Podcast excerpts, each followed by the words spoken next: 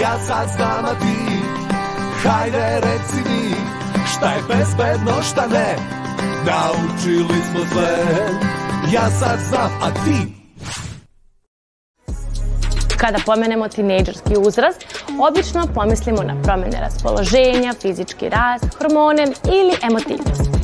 Ali da li ste znali da se mnogi tinejdžeri bore sa depresivnim mislima? Naučnici u Velikoj Britaniji objavili su istraživanje čiji rezultati pokazuju da se čak 27% ispitane dece osjeća depresiju. Zbog čega se depresija javlja u ovom uzrastu? Pitali smo stručnjake. E, ćao, šta radite? Ćao, evo, čekamo da svi da dođemo pa da idemo u bioskop. Šta ti s Milanom? On nije sa nama već duže vreme. Pa pusti ga, pa redko ga i ja viđam. Ja sam ga pre neki dan srela. Izgleda je kao da nije baš raspoložen nešto za priču, malo je smoren. Ja sam ga juče srela, ali mi se nije uopšte javio. Ja sam mu prišla i rekla ćao, ali on me bledo gledao i ćutao. Um, Milan je postao depresivan. da, da. Ma daj, nije on neki matorac pa da bude depresivan. On je još dete. Bukvalno. Ja sam sve čula, ali mislim možda bude smoren ili neraspoložen, ali da je dete depresivno, aj molim te. Kako mogu uh, tineđeri da budu depresivni? Zar nije to odlika starijih ljudi?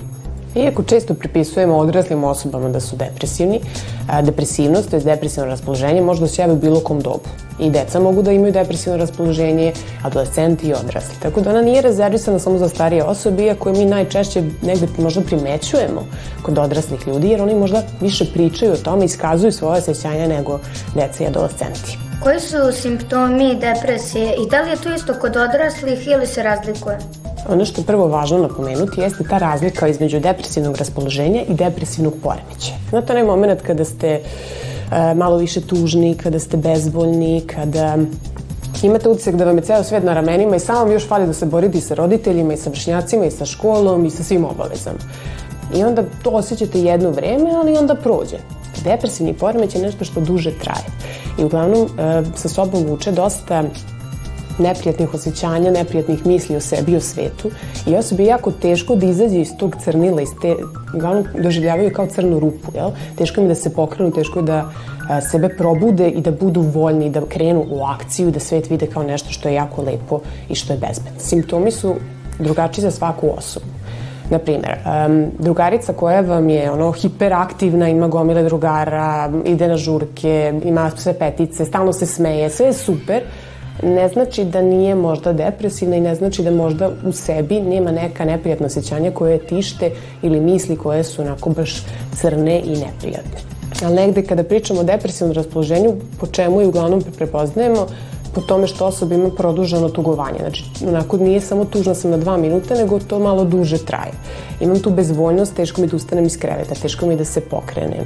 E, mrzi me čak i da pričam sa ljudima, mrzi me da budem uopšte napolju. Doživljavam jako stresno to što moram da uradim neke obaveze i najčešće bi samo da se povučem i da budem u sebi, da nemam nikakvu interakciju sa svetom. Depresivnost može da da našteti sliku koju imamo o sebi, u smislu da sebe gledamo kao manje vrednima, kao manje sposobnima, manje, manje e, voljenima, što dodatno vuče u tu dubinu, u tu, da kažem, opet crnu rupu i taj, to neko beznađe i onda adolescentima mnogo teže da izađu. Ukoliko adolescent krene da priča o tome i krene da se otvara i da traži podršku, mnogo lakše će prevazići onda depresivno raspoloženje i zapravo sam uticaj koji jeste malo, da kažemo, negativniji nego bilo šta drugo, može da prevaziđe, to je da se probudi, da jednostavno funkcioniše kao što je ranije funkcionisao.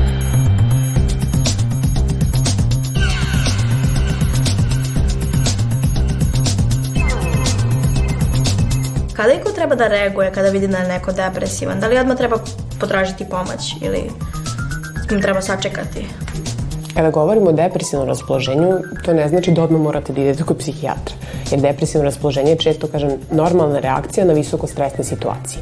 Međutim, ako to već traje duže vreme i ako um, pravi probleme u funkcionisanju, u smislu sve vam je teže da se probudite, sve vam je teže da idete u školu, da obavljate svoje zadatke, da budete u odnosu sa drugim ljudima, onda jeste trenutak da se potraži pomoć. Da li telefoni imaju veze sa depresijom? Telefoni kao telefoni, kao aparat ne može da dovede do depresije, međutim sadržaj koji gledate i što ste više izloženi tim sadržajima koji uglavnom propagiraju i govore o tome kako treba biti uhu, srećan i zadovoljan i da je sve savršeno, mogu dovesti do toga da se osjećate dosta usamljenije, dosta nesposobnije, a samim tim i da dovede do većih simptoma depresivnosti. Kako se mladi bore sa depresijom? Negde imaju uh, utisak mladi da o emocijama generalno ne treba pričati, da je to nešto što treba iza zatvornih vrata sami da nosite.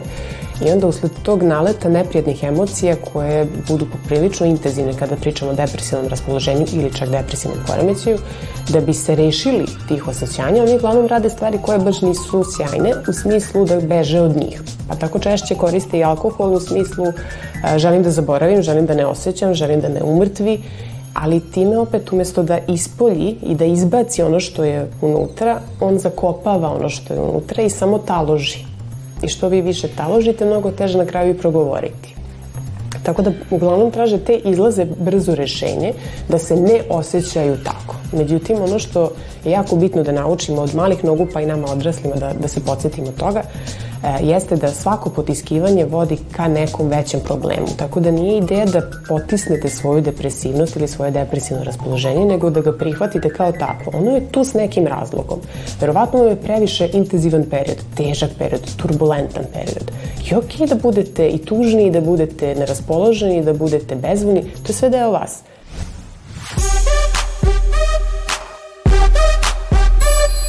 Ako primetite kod sebe ili bliskih osoba promene koje odudaraju od uobičajenog ponašanja, promene u emocijama, misaonim procesima, povučenost, poremećaj spavanja i ishrane, probajte da uradite nešto po tom pitanju.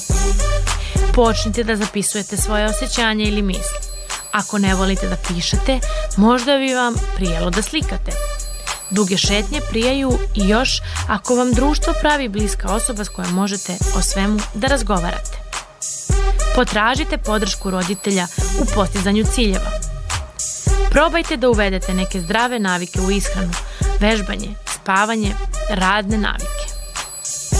Naučite da pozitivno mislite, da negativne misli zamenite realnijim. Umesto ne mogu, neću uspeti, koristite inače je teško, ali ja to mogu da prebrodim. Ako ne možete da se snađete sami, potražite stručnu pomoć kada je u pitanju mentalno zdravlje. Veoma je važno da uvek budemo odgovorni prema sebi. Kakav god problem da imamo, neophodno je da ga podelimo sa nekim kome verujemo. A kada u sebe imamo osobu koja nas voli i razume, ni jedan problem nije nerešiv. Ja sad znam, a ti, hajde reci mi, šta je bezbedno, šta ne, Naučili smo sve. Ja sad znam, a ti